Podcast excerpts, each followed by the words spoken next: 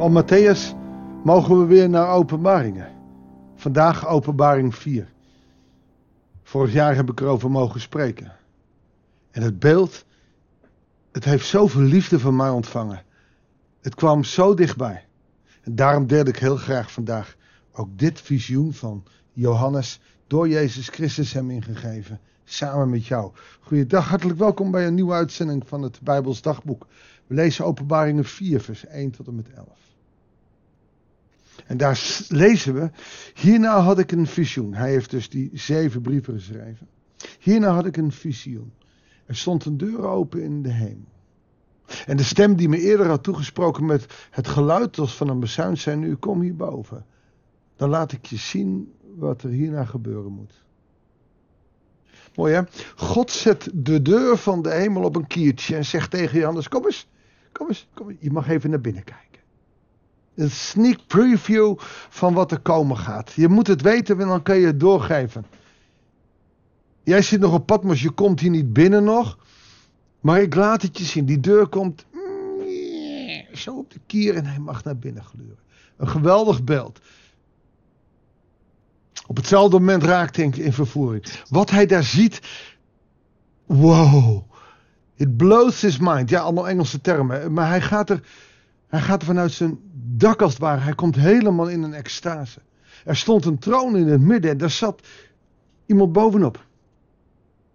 En degene die daar zat had het uiterlijk van een jaspis en een sarder. De jaspis en de sarder waren enorm kostbare sieraden. Tegenwoordig hebben we andere en duurdere. Maar dat was in die tijd, uh, waren dat de belangrijkste. Wij zouden zeggen diamant en uh, weet ik veel wat. Van, ik zit daar niet zo in. Maar uh, het waren hele dure, schitterende sierstenen. En rond de troon was een regenboog die eruit zag als een smaragd. Een regenboog als een smaragd. Mooi hè? Een regenboog om die troon en daar zit iemand op. We weten niet wie. We weten natuurlijk dat het God is, maar we weten nu niet wie. Om de troon heen stonden 24 andere tronen, waarop 24 oudsten zaten. Nou, nu kom je weer in de getallensymboliek. Wie zijn die 24 oudsten? Nou, dat zijn 12 om 12, aan iedere kant 12. De 12 stammen van het oude verbond, oftewel de 12 stammen van Israël. En de 12 discipelen die Jezus volgde staan voor het nieuwe verbond. En samen maken zij 24. Dus zowel het oude als het nieuwe verbond verenigd. Dan kun je niet meer spreken over Israël hoort er niet bij, want wij christenen hebben het overgenomen. En weet ik voor wat al, het oude en het nieuwe verbond in één. En uh, ze zijn vertegenwoordigd door deze oudsten. Ze droegen witte klederen en hadden een gouden krans op hun hoofd.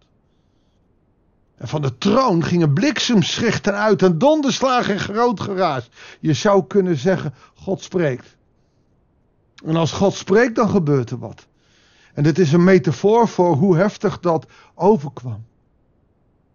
Voor de troon brandden zeven vurige fakkels. Dat zijn de zeven geesten van God. Daar heb je de zeven geesten weer. Zeven staat voor de volheid. De Heilige Geest is aanwezig. De volheid van de Geest van God. Ook lag er voor de troon iets van een zee van glas, van kristal. En midden voor de troon en eromheen waren vier wezens. Die van voren en van achteren een en al oog waren. Dat, dat een en al oog is, is ze, ze zien alles. Ze observeren alles. En dan krijgen we de vier wezens. En soms zijn er mensen die vinden dat moeilijk, want uh, mag je over wezens praten, monsters. Nou, dit zijn geen monsters, dit zijn vier wezens. En als je goed oplet, dan zou je hier de vier karaktereigenschappen van God kunnen uh, noemen. Ze liggen onderaan die troon. Ze zitten daar onderaan die troon, staan daar. En ze, en ze geven daarmee de karakter van God weer. Het eerste wezen zag eruit als dat van een leeuw. We kennen het als de leeuw van Juda. Machtig, majesteit. Hij is de king of the jungle, oftewel de koning over de wereld. Die leeuw staat voor kracht, macht en majesteit. Het tweede als een jonge stier. Een jonge stier of een rund is wat er voor het juk vooruitgaat. Staat voor trouw, staat voor stevig en, en, en, en, en, en, en behulpzaam. Hij trekt elke keer weer die ploeg door het zand. Wat, wat hij opgedragen krijgt, dat doet hij. Vooral het woordje trouw past daarbij. Het derde had een gezicht als een mens. Een mens door God geschapen, in hem uh, zichtbaar geworden, betrouwbaar. Uh, en vooral ook relationeel. De mens is als een relationeel wezen gemaakt. Relatie tot God en relatie tot de mens. Het vierde leek van een vliegende adelaar. Ken je dat? Zo'n adelaar die stilstaat. Om in alle stilte te kijken naar zijn prooi en gaat erop. Iets van majesteit van die, van die adelaar. Maar ook de kracht en de power karaktereigenschappen die je nog verder kan uitwerken van God. En elk van deze vier wezens hadden zes vleugels. Als je daar het Oude Testament, en ik weet zo gauw niet, is het Jesaja 6, ik weet het niet helemaal zeker. Uh, daar staat uitgelegd waarom de engelen zes vleugels hadden. Twee vleugels waren om een gezicht te bedekken. Want het gaat die engel niet om zijn gezicht. Het gaat om het aangezicht van God en niet om zijn eigen gezicht. De andere twee vleugels waren om zijn lichaam te bedekken. De veiligheid en het beschermen van jezelf. En de andere twee die erover blijven waren om te vliegen. Staat, dacht Jesaja.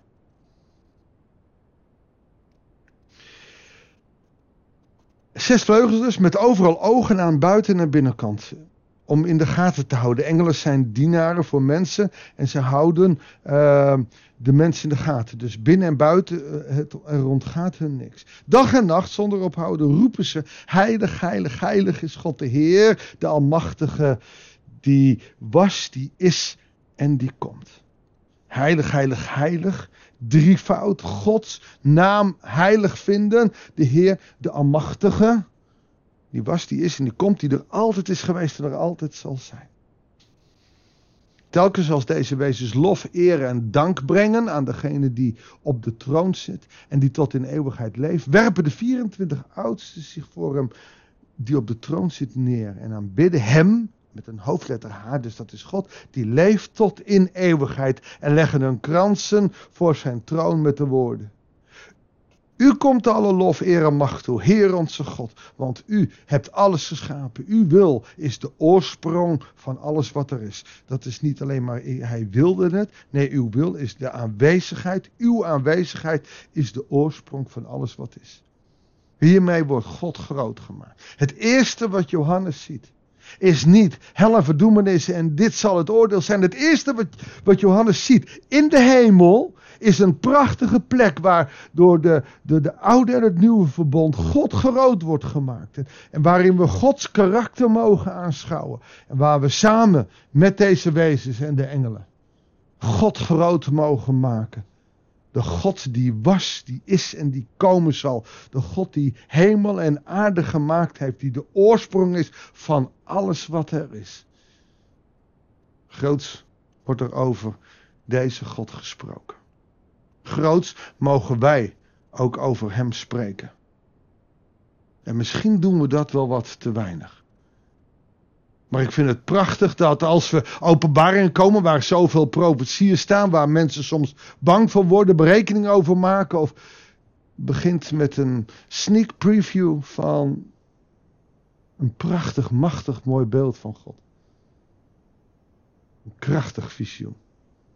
En ik denk dat het voor de rest van openbaringen van belang is dat je moet weten dat het hiermee gebeurt. Dat het hiermee begint. En net als Paulus uh, de meeste van zijn brieven positief inzet en daarna pas de boodschap brengt, is het ook God die laat zien: ik ben die schitterende Robijn. Ik ben die machtige God. Ik ben schepper van hemel en aarde, de Alpha en de Omega. Zullen we samen bidden en danken? Heer, dank u wel voor dit beeld. Als we zo even bij u binnen mogen kijken, zelfs mogen proeven van uw karakter, wie u bent. Trouw, voor altijd, sterk en krachtig en machtig. Heere, de leeuw van Juda. U bent de koning die heerst over, over ons leven. En ook over de jungle van ons leven. Heere God, dank u wel voor dit prachtig mooie beeld. Dat we even bij u binnen mogen kijken. Laat dit een beeld zijn dat op ons netvlies gebrand staat. Zodat we u mogen zien in volle majesteit. Terwijl die persoon op de troon niet eens te zien is door het felle licht. Mogen we weten dat u dat bent en dat we nu u nog niet kunnen aanschouwen. Dank u wel voor wie u bent. Dank u wel voor dit beeld. Heer, ga zo met ons mee ook deze dag. Dat bidden wij u in de machtige naam van onze Heer Jezus Christus. Amen. Hem komt de lof toe. En de aanbidding. Want Hij heeft alle macht. Hij is onze Heer, onze God. Ik wens je de zegen van deze God. En heel graag tot de volgende uitzending van het Bijbels Dagboek.